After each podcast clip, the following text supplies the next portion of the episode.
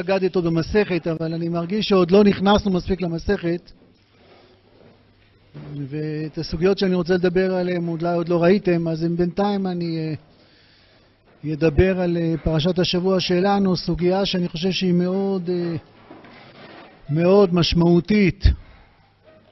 כל סוגיה בתורה היא משמעותית, אבל אני אגיד, נגיד את הדברים בעזרת השם, ואז יהיה לכם ברור יותר למה בחרתי בה. הפרשה שלנו היא פרשה מבחינה כמותית עם יותר מצוות בתורה באופן מאוד בולט מכל פרשה אחרת. אם אנחנו לוקחים גם תעשה וגם את הלא תעשה, אנחנו מגיעים קרוב למאה מצוות, ו...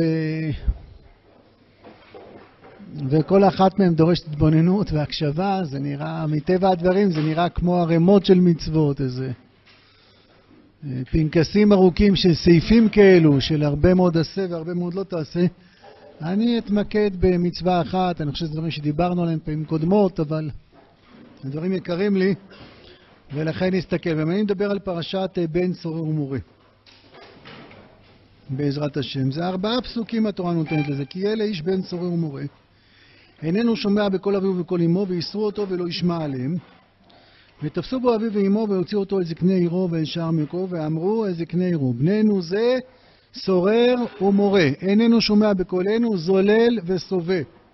אז מה עושים לו? הורגמו כל אנשי עירו באבנים ומת, ובירתה הרע מקרבך, וכל ישראל ישמעו ויראו. שלושת המילים האחרונות, כל ישראל ישמעו ויראו, הן באמת מאוד uh, מוחשיות, כי כל מי שקורא את הפרשה הזאת אומר, למה מה קרה? שאנחנו uh, הורגים, רוצחים,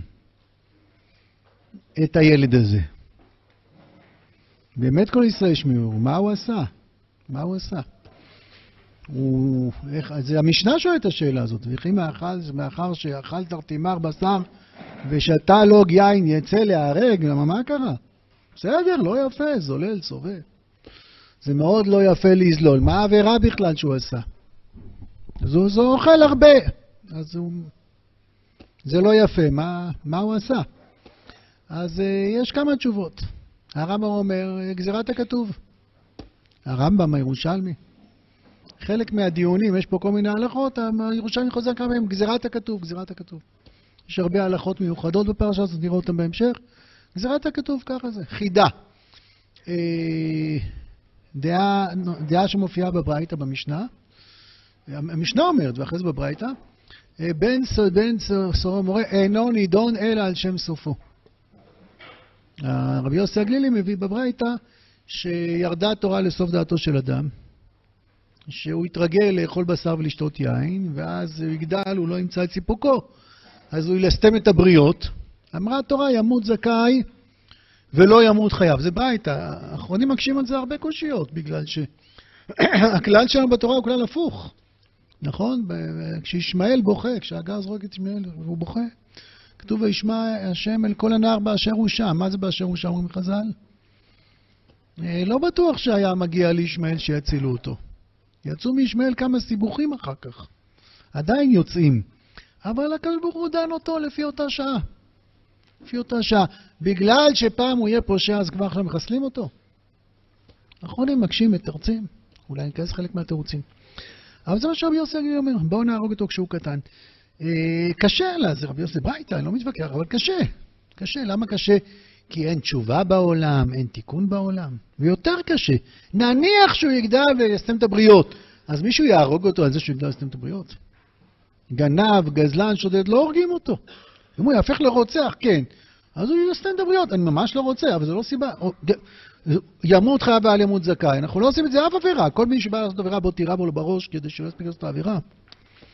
אבל מי שיותר קשה מכולם, לכאורה במבט ראשון, זה הרמב"ן. הרמב"ן אומר לנו, אני רוצה לקרוא את הרמב"ן בפנים, אומר הרמב"ן, יש עליו שני עונשים, האחד שהוא מקלה אביו ואמו וממרה בהם, והשני שהוא זולל וסובה. נו, בסדר, אז הוא לא מתנהג יפה לאבאים זולל וסובה. אומר הרמב"ן, עובר על מה שנצטווינו בתורה, קדושים תהיו. ונאמר עוד, ואותו תעבודו ובו תדבקון. כאשר פירשתי שנצטווינו לדעת השם בכל דרכינו. זה לא לסוף אלא לדעת דרך השם, זה אין ספק. שהרמב"ן משכנע שמישהו זולל וסובה, הוא לא בדיוק עכשיו עסוק בקדושים תהיו, וגם לא אובות תדבקון. זה באמת נכון, אבל זה מפחיד קצת. כי הוא לא היחיד בהיסטוריה שעבר על קדושים תהיו. הוא גם לא היחיד בהיסטוריה שעבר על אובות תדבקון. קדושים תהיו, מי שלמד רמח"ל יודע שזה יחידי, יחידי, יחידים מצליחים להגיע למדרגת הקדושה. אז למה לפי הרמב"ן אנחנו הורגים בן סורר ומורה? כי הוא לא הגיע למדרגת הקדושה. יש עוד uh, כמה, חס וחלילה, שלא הגיעו למדרגת קדושה. זאת אומרת, איפה המצאנו דבר כזה שהורגים בן אדם על זה שהוא לא עסוק באהובות תדבקון? זה שאיפה, זה חלום, זה תקווה, זה חיוב לפי הרמב"ם, מצוות עשה, לתקן את המידות, נכון? אבל הורגים על זה?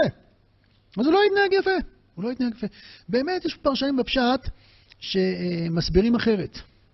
האבן עזרא למשל. האבן עזרא מתאר את הדמות של הבחור הזה, זה בחור שנסחף לתוך התמכרויות יצריות מטורפות, אין לו כזית, מוח לא נשאר לו כביכול, טיפת תבונה, איזה נהפך למפלצת כזאת, שבין אדם לחברו ובין אדם למקום, מין איזה... משהו כזה, לא רואים את זה כל כך בתוך הפסוקים. בוא, זה, זה לא פעם הוא זלל וסובב וזה, הוא אחד שכל הזמן נוצר איזה מצב פסיכופתי כזה, זוועתי כזה, שהרבנו בחי אומר יותר מפחיד. רבנו בחי אומר שזה ניסיון להורים שגדלה להם מפלצת בבית, השם ישמור, שהם לא יחפו עליו ולא יגבו אותו ולא ישמרו עליו, ועם כל הכאב, כמו הוא משווה את זה לעקדת יצחק, השם ישמור. את זה לעקדת יצחק כמין משהו כזה, שיש ניסיון כזה, ואתה צריך לדעת להתעלות מעל הרגשות שלך ולדעת שהאמת יותר גדולה מה... הקשרים המשפחתיים שלך.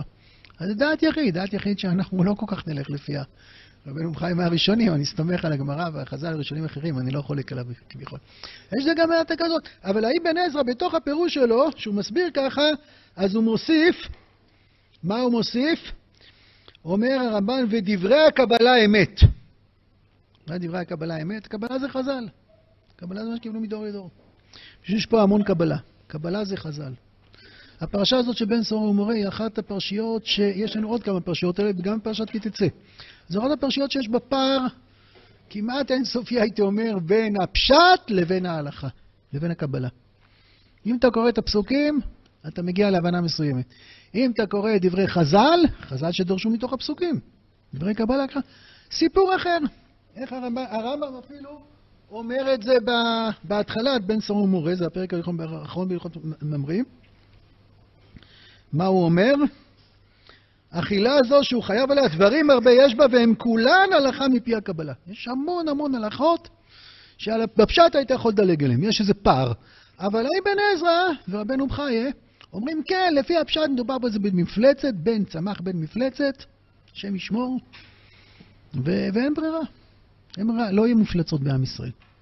מצב קטסטרופלי. הגמרא אומרת, בן סורר לא היה ולא עתיד להיות. לא היה ולא עתיד להיות. ולמה, ברייתא, ולמה אה, נכתב, אם לא היה בשביל מה כותבים את זה? התורה לא כותבת סתם דברים, נכון? ולמה נכתב?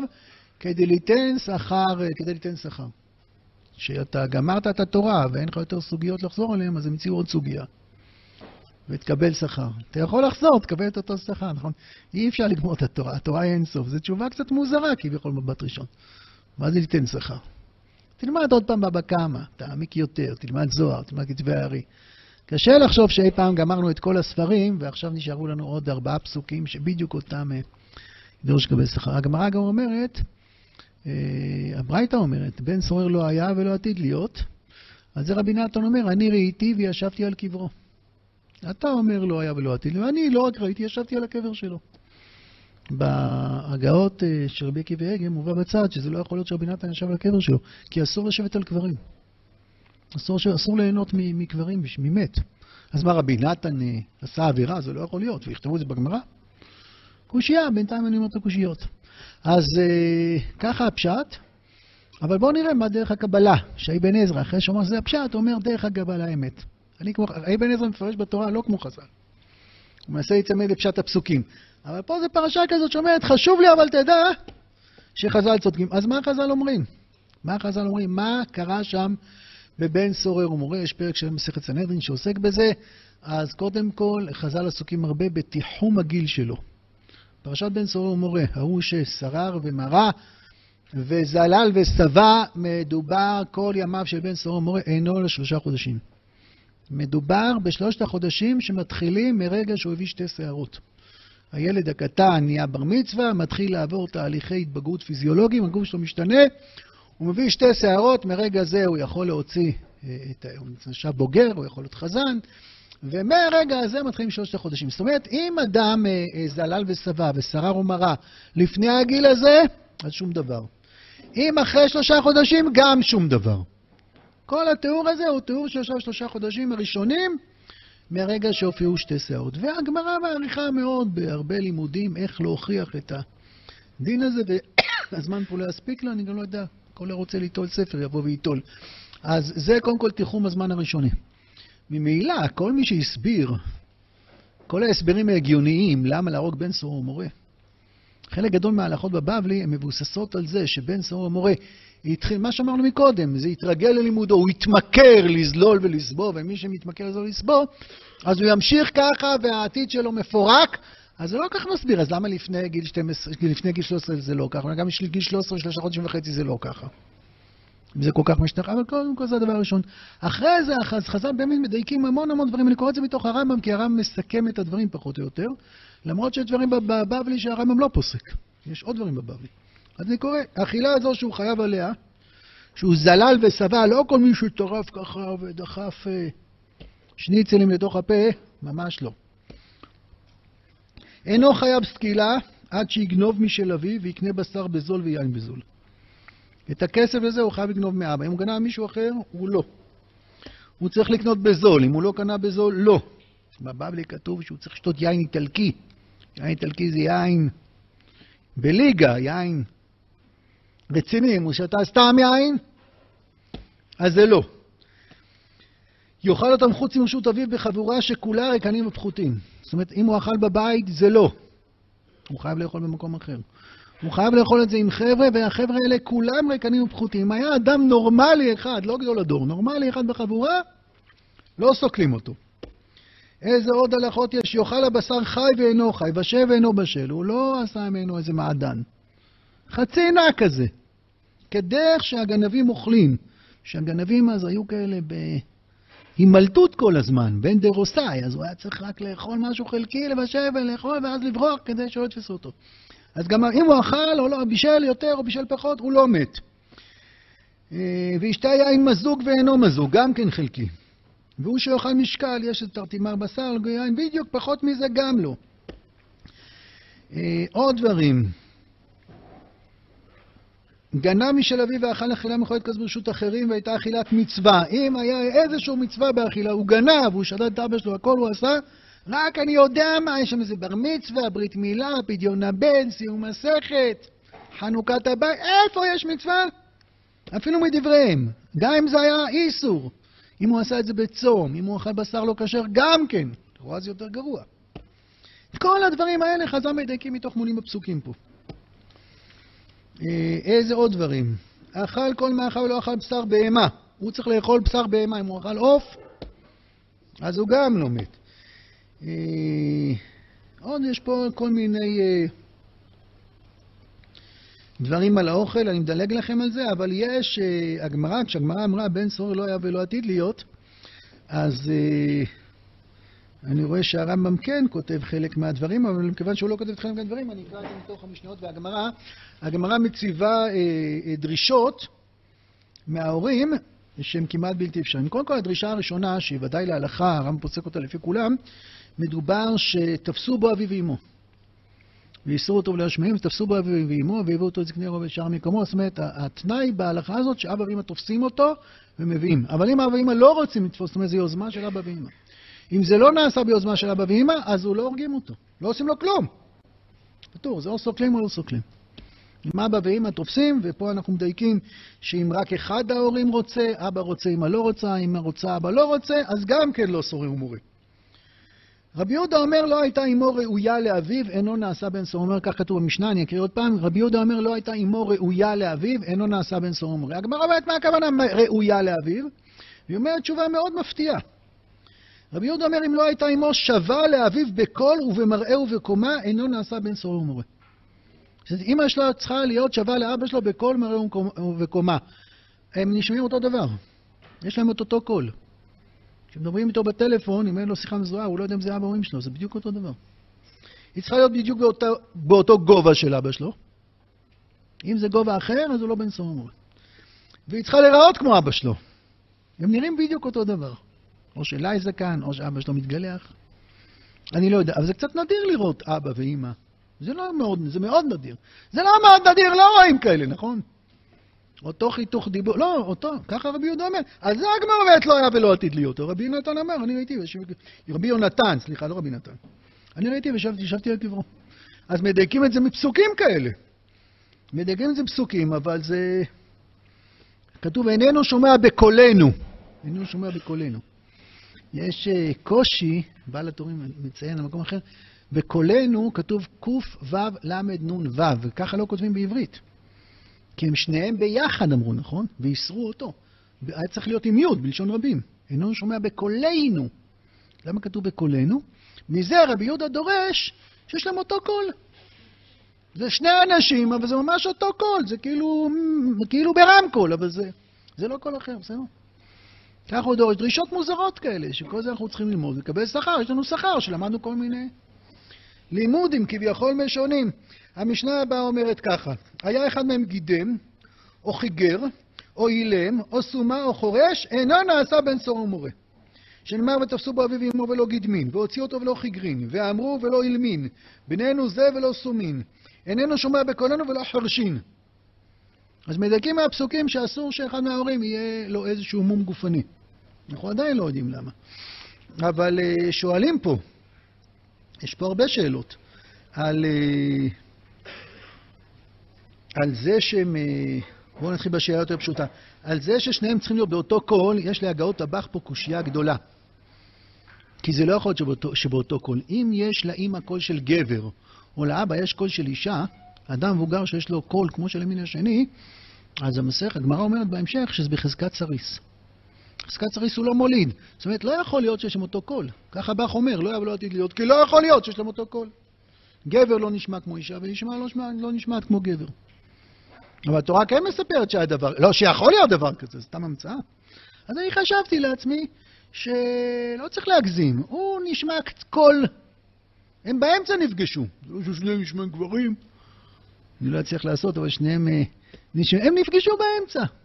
הוא מדבר קצת בעדינות, והיא מדברת קצת בגבריות. בסוף זה כדי לתרץ הקושייה של הבח.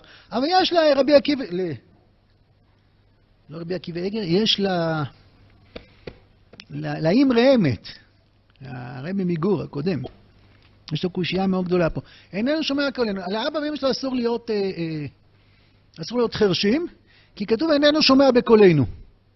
איננו שומע בקולנו זה הבן לא יכול להיות חירש, נכון? אבא ואמא, הם לא, הם לא צריכים לשמוע מה שהם אומרים. מה זה איננו שומע בקולנו? בסדר, קושייה מובנת? לא קושייה, לא עמוק מדי, אבל קשה. איננו שומע בקולנו, סימן שהם לא חרשים, הם חרשים ומדברים. והבן צריך להיות לחירש, אבל אנחנו רוצים שההורים יהיו לא חרשים. אז רש"י מתייחס, רש"י לא אומר את הקושייה, הוא מתייחס לקושייה. הוא אומר, איך הם יודעים שהוא לא שומע בקולנו? אולי הוא כן שומע. אולי הוא אומר להם, בסדר, אבא, אם אני אקשיב. לא, הם, יכולים, הם חייבים לשמוע את התשובות שלו לפי השמיעה שלהם, אחרי הם דיברו, ואז הם ראו מה הגיב. כך אומר אה, רש"י. אבל המראה האמת אומר דבר מאוד מאוד יפה. אולי בינתיים נשים איזה סוגריים, אחרי זה אולי נוציא את זה מהסוגריים. הוא אומר ככה, אה, בהלכות תוכחה, אתה לא יכול להגיד תוכחה שלך וללכת. אין דבר כזה. אין דבר כזה. בהלכות תוכחה, אבא ואמא איסרו אותו, הם מוכיחים באיזה רשות שם לייסר אותו. דין חינוך, דין תוכחה. אז אבא ואמא מדברים איתו, אם אה, הם לא שומעים את מה שהם אומרים לו, כשאתה בא לנזוף במישהו, כשאתה בא לומר משהו, אם אתה לא שומע את זה בעצמך, התפקיד שלך כמוכיח זה לא להגיד גם את האמת הטוטלית. היא לדאוג ביחד, להיות שם, לקבל איתו ביחד את התוכחה. ואם ההורים שלו לא מסוגלים, אם, אם אומרים איננו שומע קולנו, אז, אז הם, הם, הם לא שומעים בקולנו, הכוונה, אנחנו בעצמנו לא שומעים בקולנו, כך הוא אומר. ובינתיים זה וורט יפה, אנחנו נעשה את זה יותר אה, מוורט יפה בעזרת השם בהתחלה. אז יש לנו פה אינסוף קושיות כאלה, נכון? לפי הפשט זה איזו פרשה מפלצתית כזאת על בן, אה, מטורף, שמה לעשות, גדלה מפלצת ואין לנו ברירה, ימות זכאי. אבל אה, אנחנו שואלים, מה, יש לו סיכוי? יחזור בתשובה? וילסטן את הבריות בסדר, אז גם מלסטן את הבריות לא הורגים אותו. והרמב"ן בכלל על כולן הלאה, נכון? הוא עבר על קדושים תהיו ועבר בו תדבקו. זה אתה הורג אותו כשהוא קטן. ילד מסכן, גיל התבגרות, טיפש עשרה, שמעתם?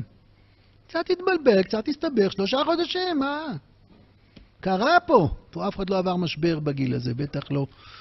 אבל יצא ילד, עושה שטויות. נפנק אותו, נחזק אותו, נאסוף אותו אל חיקנו, נוליך אותו קדימה, יהיה בסדר, יש תורה, יש מצוות, יש משפחה, יש חום. ופה כל זה נעלם, כל זה נעלם.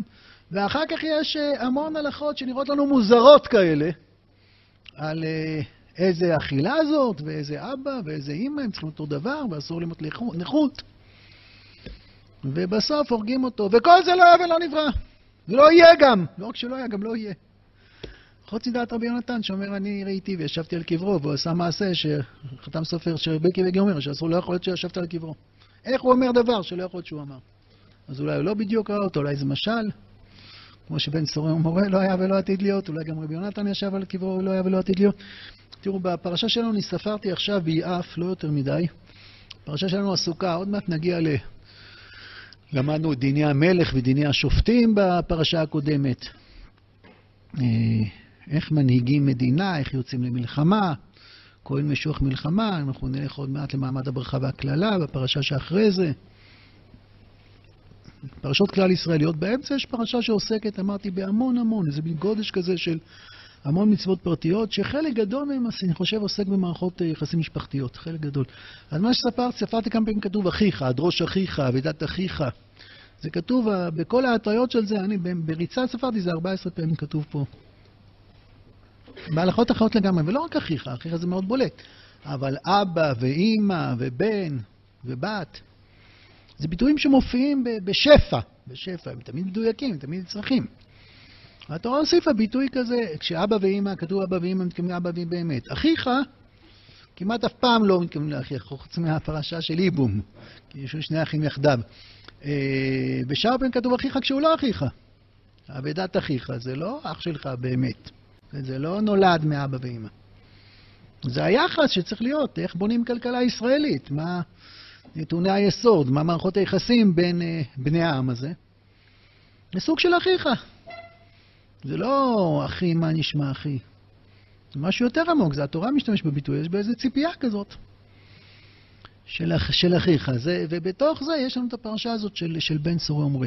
אז כתוב, אה, בואו נתחיל ברמב"ן, אני אתחיל בפתח את הפרשה. את הפתח לפרשה הזו פתח לי אה, רב אברום זצ"ל. אה, היה קידוש בפרשת הקידצה, הוא זרק את זה ככה ו... ונדלקתי. הוא הביא את הרמב"ן ואמר, עבר הקדושים תהיו. אז הוא אמר, בסדר, אין חיוב מיתה הקדושים תהיו, אין חיוב מיתה לבוא תדבקו. אז מה רב אברום אמר? הוא אמר שנכון, נכון שיש עוד כמה אנשים שלא חיים במדרגת הקדושה. יכול להיות שיש עוד, יכול להיות שיש עוד הרבה אפילו אנשים שהם לא מקיימים בכל רגע את הציווי של ובו תדבקון. לא הולכים מדרכיו כל רגע. יכול להיות, יכול להיות שמעטים מאוד כן עושים את זה, יכול להיות. אבל לכל אחד יש סיכוי, לכל אחד יש תקווה. אנחנו אולי לא קדושים, סליחה, אולי, שאני אומר אולי, אולי אנחנו לא מקיימים בכל רגע ובו תדבקון, אבל יש לנו חלום. יש לנו חלום. יסוד החסידות זה שורש העבודה התמימה. נכון? ככה המסיעת שם מתחיל. איפה חסידות, איפה עבודה תמימה, אבל זה היעד. גם אם אתה לא שם, זה התקווה, לשם אתה חותר, זאת הבקשה הפנימית. האם תצליח לממש את הבקשה שלך? יש הרבה סימני שאלה, יכול להיות. גם אם תצליח לממש את הבקשה להיות קדוש, זה תהיה דרך ארוכה מאוד, שיהיו בה הרבה תחנות ושלבי ביניים. נכון. אבל האש הזאת, האש הנשמתית שמחזיקה אותך כל הדרך, זה האב אמינא שתהיה קדוש. אם אין סיכוי בהגדרה מדעית מוחלטת שתהיה קדוש, חבל לך לחיות. החיים לא פשוטים ולא קלים ומורכבים. ומה שנותן צידוק לחיים, כך אומר רב אברום, החיים שבין ישראל, זה שיש אופציה להיות קדוש. אתה אומר, מה זה משנה אם זה אופציה? כן, זה סופר משנה. זה חיים אחרים לגמרי, כבר בהווה. אומר שאני ברגעים מאוד מאוד נמוכים. אבל יש לי אופציה כזאת, זה קיים איפשהו, אפילו בתת מודע, אפילו בתת נשמה, בסתר. אבל אני יכול להוביל את החיים שלי עכשיו לקדושה? אם לא, לא כדאי לחיות. אם לא, לא כדאי לחיות. ימות זכאי לא חייב. מי שמלסתם את הבריות, הוא עושה דברים חמורים, הוא יכול לחזור בתשובה. הנשמה שלו, הוא שייך לציווי שקדושים תהיו. יש סיפור אחד, יש סיטואציה אחת בתורה כולה. מצב אחד שמי שנקלע לתוכו, זה בן סור המורה, שלושת החודשים האלו, עם כל ההלכות המיוחדות האלה שחז"ל דרשו מתוך הפסוקים, דברי. יש סיטואציה בלעדית, אדם יכול לעשות דברים איומים ונוראים, והוא לא איבד את האופציה, את האפשרות להיות קדוש, להיות עובד... שוב, תשובה קשה מאוד, תשובה מאהבה, מצבים קשים, את הכל אפשר לתקן, חוץ מאת בן סור המורה. בן סורר ומורה זה הסיטואציה היחידה שהיא לא ברת תיקון, זה אבוד. ואם אבוד, אין טעם בחיים. אין טעם בחיים. אז אנחנו מסתכלים, אחרי הדברים של ברום, חוזרים לפרשה, ומה קרה שם? למה בדיוק ככה? מה הוא עשה כבר? מה הוא עשה? אכל תרתימר בשר ולא ש... בסדר, מה? לא, זה לא בסדר. לא יפה, הוא גם לא בירך, סליחה, שכחתי להגיד לכם. הוא לא בירך, בטח הוא לא אכל לחם בכלל. אז הוא בטח לא זימן. אה, בסדר, זה לא יפה! אבל מה יש דווקא בסיטואציה הזאת שמכסה לו את כל האפשרויות? ואני חושב שמה שברור, או נקרא לזה בעצם בצורה הפוכה, ככה, אם אנחנו רוצים שמישהו לא יהיה קדוש, אם אנחנו רוצים, אנחנו לא רוצים, נכון. אבל זה הדרך השלילה, זו סוגיה על דרך השלילה. אם אתה רוצה לחסל את הניצוץ הנשמתי של הבן שלך, אז תעבוד לפי ההדרכות שכתובות בפרשה הזו ותצליח. לא, אתה לא רוצה, נכון? אז מה זה אל תעבוד לפי ההדרכות שכתובות פה? אנחנו ניקח את כל הגזרות הכתוב האלה של חז"ל, ונראה מה העיקרון ששם. וממילא, אז מה הכוונה? אה, לא היה ולא נברא, אלא למה ניתן כדי לדרוש ולקבל שכר? השכר זה לא, לא ביטלתי תורה. השכר זה שהמון יסודות רוחניים, חינוכיים, שנלמדים מתוך הפרשה הזאת. מראים לנו את הדרך. זה הדוגמה למה לא. ככה לא, ככה לא. מה שכתוב בפרשה. כל השאר זה כן. כל השאר זה כן. אז מה לא? מה קרה פה? יש פה אה, הורים שהבן שלהם מתנהג קטסטרופה, נכון? אמרנו, אפילו דעת חלק מהראשונים, יש מפלצת בבית הזה פה. רוצח שיגש לרצח ויחזור הביתה, יבצע עוד רצח ותחביא אותו בבית. אבל זה לא הרוצח פה, הוא כולה אכל בשר ושתה יין. שתה זלל, בסדר, כמה זה? יש פה, ראיתי אחד האחרונים אומר שמכאן אה, תרטימר זה יוצא בערך 240 גרם. אז אחד האחרונים אומר שסימן שהחזון איש צודק במידות שלו. נו, 240. ואכל 480 גרם, זה שיעור חזון איש, זה, זה עולה לה. 240, הוא בביס אחד כנראה. אני לא יודע מי זה לא רוצה. זה לא נראה, אבל זה עדיין לא... אה, זה לא הוכחה, נכון? הוא אכל 240 גרם, וגם 480 גרם לא מרגיע אותנו, גם זה לא. אז הוא זלל, יש הבדל בין מי שזלל פעם בחיים שלו ומי שכל היום זולל, וגם זה לא אווירה, זה לא יפה. הוא חד פעמים, מספיק חד פעמים בשביל להיות, אה, פעמיים, צריך להטרות בו ולהמשיך. בסדר, אז פעמיים הוא עשה את זה. אז מה יש לנו בפרשה פה? אמרתי שהפרשה פה מדברת הרבה על מערכות יחסים משפחתיות, זה גם פה יש משפחה. אם אבא ואמא שלו לא תופסים אותו, איזה קנה עירו, אז הוא לא יסכלו אותו, מדובר בהורים מודאגים מאוד. הורים שרצו שהבן שלהם יהיה צדיק ועדין ונעים, ופתאום פה הוא מתחיל לגנוב ולהשתולל ולדבר לא יפה. הם ניסו, הם ניסו אותו. אולי הרביצו לו, אולי אה, דיברו אליו לא יפה, לפי, המדרה, לפי חז"ל הם לקחו אותו לבית דין וזה לא עזר. אז הם תופסים אותו ומביאים אותו לזקני עירו. ומה אומרים זקני עירו? תעזרו לנו. ואומרים, תהרגו לנו אותו. שילכו למאפיה, שילכו ל... רוצח שכיר. אומרים לו, הולכים לבית דין, איננו שומע בקולו, זה לבן סובה. זה בקשת. אז זקני העיר אומרים, הבנו, תביאו אותו, הוא גמור כל ישראל בעוני ומת. מה? ככה, ככה מחסלים ילד, אני חושב. לא, לא בית דין, לא בית דין. בית דין לא מחסלים ילד ככה, לא היה ולא עתיד להיות. Uh, ההורים האלה, מה אנחנו יודעים עליהם? קודם כל, ההורים יודעים שההורים, תראו, ההורים האלה, uh, הבן שלהם מתנהג לא יפה, אז הם לוקחים ו... לוקחים אותו למשטרה. משטרה טובה, משטרה של צדיקים, זקני עירו. הם באים לרשויות, אנחנו כהורים, זה גדול עלינו. לא מסוגלים. לא מסוגלים. אין להם, לא למדו חינוך, לא לקויים את הכישורים האלה. גדול עלינו. בואו טפלו בנו בילד הזה. בואו טפלו בנו. ביחד, ביחד. הם בעצם כופרים בהורות שלהם, נקרא לזה ככה. בעצם כופרים בהורות שלהם. אלוקים נתן לכם ילד, יש ילדים יותר מעניינים, ילדים עוד יותר מעניינים, ילדים יותר מורכבים, ילדים עוד יותר מורכבים, וזה מאתגר, זה מאתגר. וכשאבא מרים ידיים ואבא אומר לבן שלו, אתה גדול עליי, שוב, הוא לא אה, חיסל חצי מדינה, הוא לא ירה פצצת אטום בטעות. נהג לא יפה. זה, זה קורה בגיל ההתבגרות, לא, חס וחלילה, לא רוצה לתת לגיטימציה, אבל זה לא הדבר הכי מפלצתי בעולם. וכשהורים מול זה אומרים, זה גדול עליי, הולכים לרשויות, היום יש כזה תנועה כזאת. בכוחות הפרוגרסיביים, בתנועות הפוסט-מודרניות, אז יש איזה בוז עמוק, איזה שנאה עמוקה למשפחה. אה, אה, לא מזמן אמרה חברת כנסת, ראש מפלגה מסוימת, שהמשפחה זה המקום הכי גרוע לילד לגדול בו. לא, אין לנו 70 מנדטים לתנועה הזאת, אבל יש אה, כמה מיותרים מדי. אבל כן, היא מייצגת, הקליטו אותה. משפחה זה המקום הכי גרוע. יש פה איזו מלחמה נגד מוסד המשפחה, אתם מודעים לזה. מכל הכיוונים. חלק מהמלחמה נגד הרבנות הראשית עם החתונות זה גם כלול בתורו. משפחה זה מקום קטסטרופלי, משום שהורים לא יודעים לגדל ילד, צריך שהמדינה תטפל. המדינה מטפלת בהכל, המדינה יש פקידים, יש רגולציה, יש תקנים, הבג"ץ יקבע לכל הורה מה לעשות. ו... ואפשר כמה שיותר אה, להוציא. משפחה היא מקום עם בעיות, אם יצא לכם פעם לראות משפחה, אז משפחה היא מקום עם בעיות, נכון? בהחלט. אבל כנסת ישראל בנויה ממשפחות. הגוף הלאומי, מדינת ישראל, מלכות ישראל, היא בדיוק הפוכה, המדינה הזאת. המדינה הזאת בנויה, הדבר הכי מהותי, אבן היסוד. הלוז, התא, שבונה את האישיות כולה, זה התא המשפחתי. תא זה ביטוי חדש, זה ביטוי מאוד מאוד מדויק. ואנחנו חותרים עכשיו, כדי לתקן על המלכות שעדיין, אנחנו קודם כל משקיעים, כנסת ישראל ככה פעלה לכל דורותיה. קודם כל משקיעים במשפחה. קודם כל, את כל האידיאלים שלך, תתחתן קודם כל. באשתך, בהורים שלך, בילדים שלך. זה קודם כל.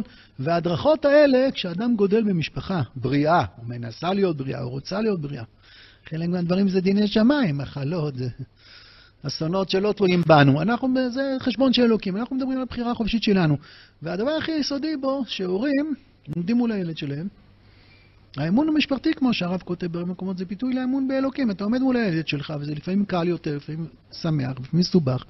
והשאלה הראשונה זה למה, אתה, למה העד הזה אצלך? אני צריך רישיון בשביל ללדת ילדים? מי שרוצה ללדת ילדים, נכון? ממש לא נכון, בטח צריך רישיון, בטח שצריך רישיון. ויש רישיון, יש רישיון אלוקי. זה לא בא לבד, נשמות לא נופלות. זה לא חתולה, שחתול תופס אותה ואז היא ממליטה שמונה גורים. למרות שזה נראה ככה הרבה פעמים. שיש לנו תורה. כן, צריך רישיון בשביל... נראה לך שיש אנשים שעשו את זה בלי רישיון, זה נראה לך. יש בעל בית, בטח בסדרי נשמות.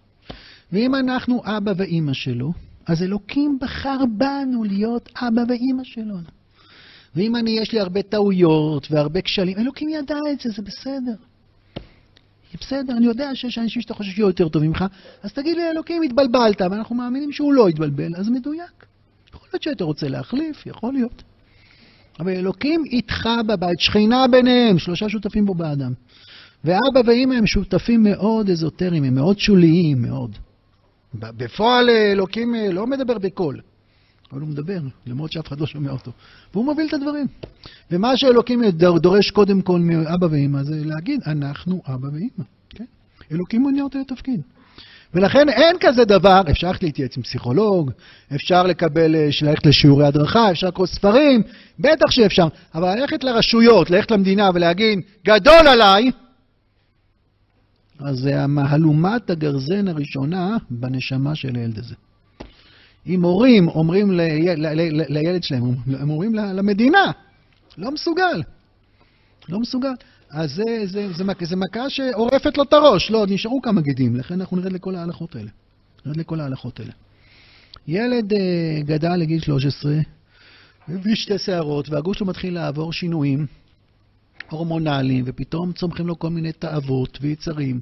הוא לא מבין מאיפה זה בא, הוא כן מבין מה זה בא, זה נראה לו דברים בהמיים, עוברים עליו כל מיני תהליכים, אה, הוא מבולבל. והגיל הזה, אתם יודעים, גיל העשרה זה, זה צומת, תחילת גיל העשרה, זה צומת. אתה לא יכול להמשיך להיות ילד, זה לא עובד.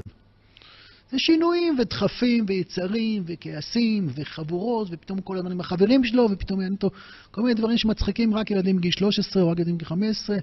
אתה יכול לעבור שם קדימה, אתה לא, לא מתחיל להבין מה מצחיק אותם שם ומה מתחיל שם. זה איזה גיל כזה שאנחנו, חשוב מאוד שנעבור כנראה, ולא תמיד עושים שם דברי חוכמה. אז זה ציר כזה. בגיל הזה, אם ילד... זה, הוא לא יכול להמשיך להיות ילד, זה הכי קטסטרופה. הוא לא יכול להמשיך בין להיות בן שלוש, הוא כזה מתוק כשהוא היה בן שלוש. בגיל 15 מתנהג לו בן שלוש, זה כבר לא מצחיק אף אחד. יש פה או שהוא נכנס ל... איך אמר לי פעם הרב יעקב בנון על גיל העשרה? אוי מי יחיה מסום אוהל. זה או שהוא נכנס לשם, או שכחיצים ביד גיבור כבני הנעורים. אם ילד בגיל 12-13 מצא אה, אה, סביבה תומכת, מאמינה, חיובית, מכבדת, מקיימת, אז גיל העשרה נהפך לחיצים ביד גיבור כבני נעורים. אז גיל העשרה זה הגיל שאתה מתלהב, וערכים, ואידיאלי, ומאמצים, וחזון, ויוזמות. ואם לא, אז אתה שוקע לתוך גיל מסובך מאוד. אז הילד שלהם, עד עכשיו לא היו לו יצרים, פתאום יש לו יצרים. הוא מתחיל להשתולל, הוא מתנהג לא יפה. ופאניקה אחד, הוא גם אה, בבעיה, הוא לא כל כך שמח בזה, זה לא מצחיק אותו, זה לא נעים לו שהוא פתאום גונב בשר ושותה... עסוק ביצרים, יצרים, זה, זה, פתאום הוא נהיה במקום כזה, הוא לא מבין מאיפה זה בא לו. אז הוא מידרדר. בסדר, לא עשה איזה... אני לא רוצה להגיד שזה בסדר. זה לא בסדר, אבל יחסית למדרג העבירות, זה ממש לא נראה לנו הדבר הכי זוועתי, גם לא בין אדם לחברו. אבל הוא התנהג יפה. דווקא בגלל זה, אתם יודעים, אם מישהו עשה עבירה חמורה, אז הוא יודע שהוא עשה עבירה חמורה, וזה אולי לגיטימי שההורים שלו יגידו, אנחנו במצוקה קשה, אבל אם ילד עובר משברי גיל התבגרות, מכוערים, מכוערים. אה, פצעי בגרות זה לא מכוער, זה שטויות, זה בחוץ. הבעיה זה פצעי בגרות בנפש. שם אני נראה לפעמים מכוער מאוד.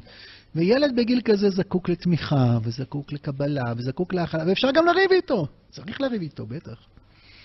אבל אם אתה הולך למשטרה ואומר, שוטר, שוטרים טובים, טפלו לי בעוטף, אז שוטרים של עם ישראל אומרים, הילד הזה מת, הוא אבוד. והתנאי לזה זה, אני לא יודע אם אני אספיק לעבור על הכול, התנאי לזה זה ש, שהאבא ואימא לא רק מתכחשים לזה שהם אבא ואימא, הם מתכחשים לזה שהם אבא ואימא, נכון? מה שהקושייה של הבח, איך יכול להיות שהיא מדברת כמו אבא, והתירוץ שלי שאמרתי, הם שניהם באמצע, האבא לא גבר והאימא לא אישה. זה לא רק הם מתחילים. הם, הם, הם לא, אין להם זהות להורים האלה. אין להם זהות. הם כאילו לא עסוקים בעצמם, אדם שלא עסוק בעצמו, אדם שלא מברר מעצמו, אדם שלא, הוא ככה, הוא ככה, הוא כזה, הוא כזה. כשלשניהם יש קול, הם, הם, הם גם לא מדברים עם הילד שלהם בלב. לא יכול להיות שאבא ואמא יגידו קולנו. אין דבר כזה אבא ואמא קול אחד. הקדוש ברוך הוא לא בחר סתם איש ואישה. איש זה לא אישה ואישה זה לא איש. סליחה שאני לא תמיד נאמן לכל הצווים שמכתיבים לנו היום. אבל הם ממש לא אותו אחד. וכל ילד צריך שתהיה לו אימא, שתדבר כמו אישה, ויהיה לו אבא, שידבר כמו גבר. הוא צריך יד ימין ויד שמאל, הוא צריך חסד ודין, הוא צריך מורכבות. כי באמת זה מורכב. נכון? איך הרב אומר? התורה שבעל פה היא אבא, והתורה שבעל בכתב היא אבא, והתורה שבעל פה היא אימא, נכון? על פצע יד תחת יד, רגל תחת רגל. יש אמירה כזו, אמירה כזאת. אם אבא ואמא מדברים באותו קול, אז שניהם לא כנים. שניהם לא כנים. אין שתי נביאים מתנבאים בסגנון אחד. לא יכול להיות שאני והיא נגיד בדיוק אותה מילה, אלא אם כן מה? תכננו את זה מראש, והתאמנו ועשינו חזרות, אז זה דקלום. אנחנו לא מדברים עם הבן שלנו. תצעק, תרביץ, חס וחלילה, אבל תתייחס. דבר איתי מהלב. הם לא, הם לא. הם לא אבא ואמא, אין להם זהות. הילד הזה חסר זהות. מה רש"י אומר? לא פה, באיוב. הוא עושה שני דברים, העבירות שלו זה זולל וסובה. אבל לפני שהוא זולל וסובה, אומרים שהוא גם סורר ומורה. אז יש פה מוסף רש"י במקראות גדולות האלה. הוא מביא מה פירוש המילה מורה. המילה מורה מופיעה גם באיוב. תשמעו איזה פירוש כתוב פה. כל לשון המראה כאדם שזונה ליבו ממידתו ומגידולו ומארצו, לשוטט לו בארצות ולנסות לו מידות אחרות. מורה זה מי שמשוטט בארצות. מה זונה ליבו ולא תאכל עליכם אחרי עיניכם? זה מישהו שהוא לא, לא מזהה את עצמו. זה אתה, זה הזהות שלך, זה הארץ שלך, זה התכונות שלך, הוא לא מצליח לקבל את עצמו. הוא כל הזמן, תנסה להיות מישהו אחר, יאללה, סיים, לא, כל הזמן הוא מתחלף. אדם, הבן הזה סורר ומורה, למה הבן סורר ומורה? כי ההורים שלו חסרי זהות. כי הדבר הכי בסיסי, הכי מהותי, הכי יסודי, זה לגדול בתוך בית. ומה הבית הזה צריך לספר לך? מי אני? מה הכישרונות? לא יודע, זה מה שאני, מה אני יכול לעשות? אני בתור אה, עושה טעויות, ולא תמיד יש לי מצב רוח, ואני לפעמים אה, נעלב, לפעמים מדבר, יכול להיות. אבל אני, אבא, לא ביקשנו. אבל ביקשנו שתהיה אתה. אז ילד גדל בבית. מה יש בבית? מה יש בבית? בית זה מקום שאוהב אותי, בית זה מקום שמאמין בי. בתוך בית יש מריבות, ובתוך בית יש מצבי רוח, ותורי לשטוף כלים, ותורו לשטוף כלים, והוא לקח לי, והוא... בסדר, הבית יש ילד גדול בבית, ומה הוא שומע באבא ואמא שלו? בלי מילים, מילים מיותרות. אני רוצה, תגיד גם מילים. אתה חשוב לנו, אתה יקר לנו, אנחנו מאמינים לך, מאמינים בך, אתה מוגן במקום הזה. יכול להיות שרבים איתך הרבה בבית ההורים שלך, אבל אתה יודע שהם רבים בשבילך, הם רוצים את טובתך. איך עוד שאתה חולק עליהם, חושב שזה לא טובתך. אבל בית זה קירות שרוצות להגן עליך, רוצות להשקיע. אתה יודע שאם תהיה בבעיה, אז תבוא לבית, בית לא תמיד יודע, אבל הוא ירצה להגן עליך, הוא יילחם בשבילך. בית זה מי שאומר, אתה יקר לנו, אתה אהוב לנו, אנחנו מאמינים בך הרבה מעבר. ואם יש שבר, אז זו בעיה גדולה. אבל פה יש הורים כאלה שהם כמו, כמו בזמן סטלין, הם עובדים ברשויות. ילד ש, שמסגיר את ההורים שלו, זה פלא אדיר שככה כנסת ישראל קמה. אבי האומה זה אברהם אבינו, וכזה הבעיה לו. התרח.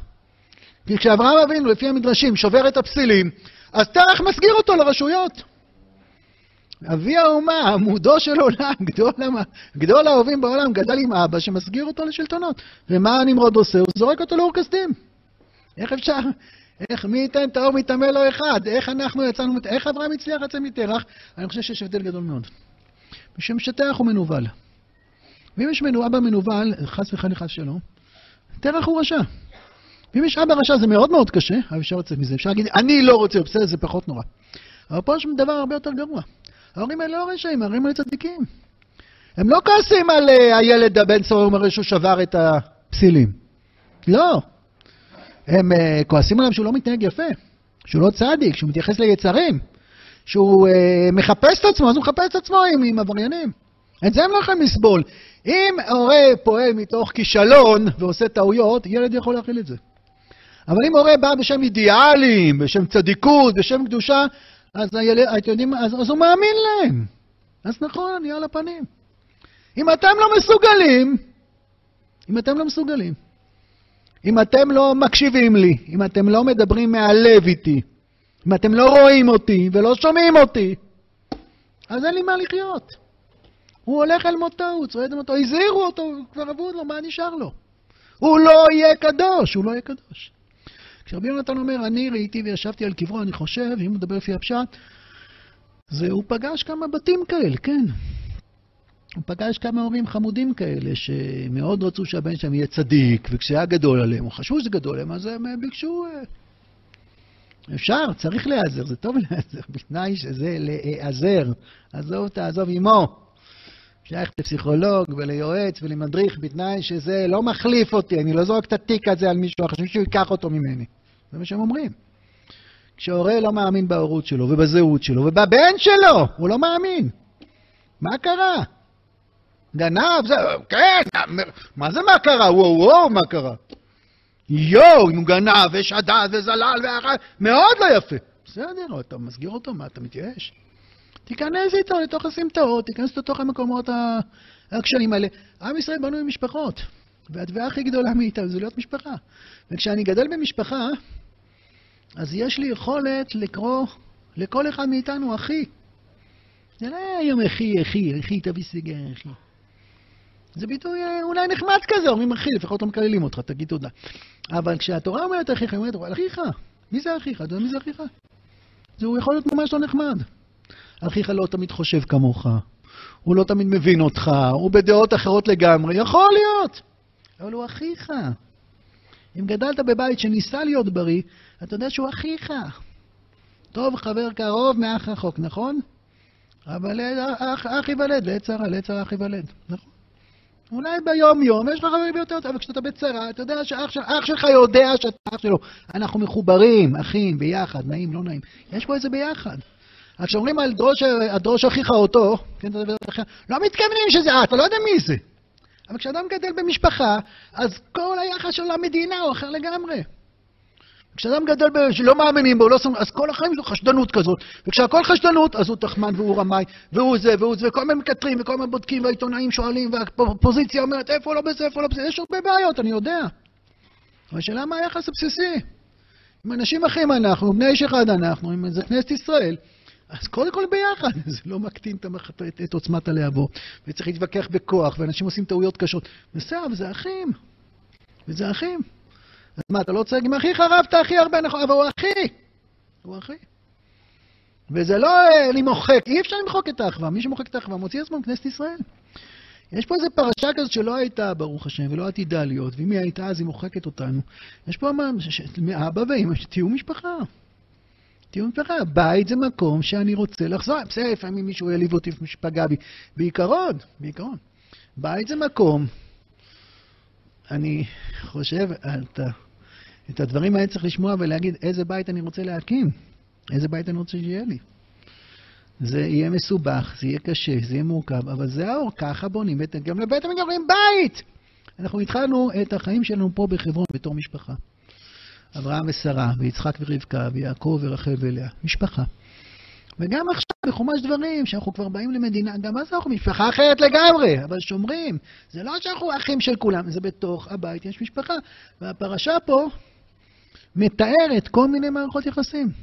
יש פה הרבה פעמים בפרשה הזו שיש פער גדול בין הפשט לדרש. אני uh, אסיים בחצי דקה את מה שמזכיר אותו הרבה פעמים, ואני לא יכול להזכיר אותו, לא להזכיר אותו, שמול האבא והאמא הקטסטרופליים האלה, יש איזו אימא אחרת בפרשה, נכון? אימא קטנה, קטנה, קטנה, בכזה גודל, כזה גודל. כי יקרא כאן ציפור לפניך בדרך בכל ארץ על הארץ, אפוחים וביצים, והאם רובצת על האפרים ולביצים. לא תיקח האם על הבנים. שלח תשלח את האם, הבנים תיקח לך. למה לא תיקח את האם על הבנים? אז יש בה מקובלים, וואי וואי וואי. רחמי הציפור העליון, אין לי מושג מה כתוב, שזה רחמים, שמעורר בשמיים, רחמי הציפור העליונה, בחידה, בברכי יוסף, כתוב כל מיני סודות, כתוב, אבל אני פשט כן יודע. קצת, חושב שלפעמים אני יודע. אולי הפשט זה בדיוק עומק הסודות שיש שם בזוהר במקרה הזה. אז מה קרה? למען ייטב לך וארכת ימים. זה אפילו לא תרתימר בשר. זה כזה קטן. זה ביס. זה כמו כנפיים כזה. כל הציפור הזאת היא פשוש מה. אז מה ייטב לך? וואו, לא תאכל, וואו. אז הפירוש הפשוט הוא שאם אתה בא לציפור, לכאן ציפור, אז אין לך אופציה בכלל, לא תיקח האם על הבנים שלחת, שלחת על הבנים לאחת. זה לא יקרה, למה זה לא יקרה? כי האפרוחים בביצים לא יודעים לברוח, אתם יודעים? הם שם, הם לכודים. אבל האמא פורסת זוג כנפיים ועפה. שלחתי, היא תעוף לבד, מה, מי צריך שתעוף אותה, נכון? לכאורה. והתשובה היא שהיא לא עפה. אם אתה הולך לקחת אפרוחים או ביצים, אז היא לא עפה. היא לא עפה והיא מנסה להילחם בך. היא מנסה לדקור אותך. חתול בא לקן של ציפור, אז הציפור מנסה להוציא לו את העיניים. כלב בא לשחק עם גורים של חתול, זה אני ראיתי בעיניים, זה פתאום החתול נהיה נמר והפך.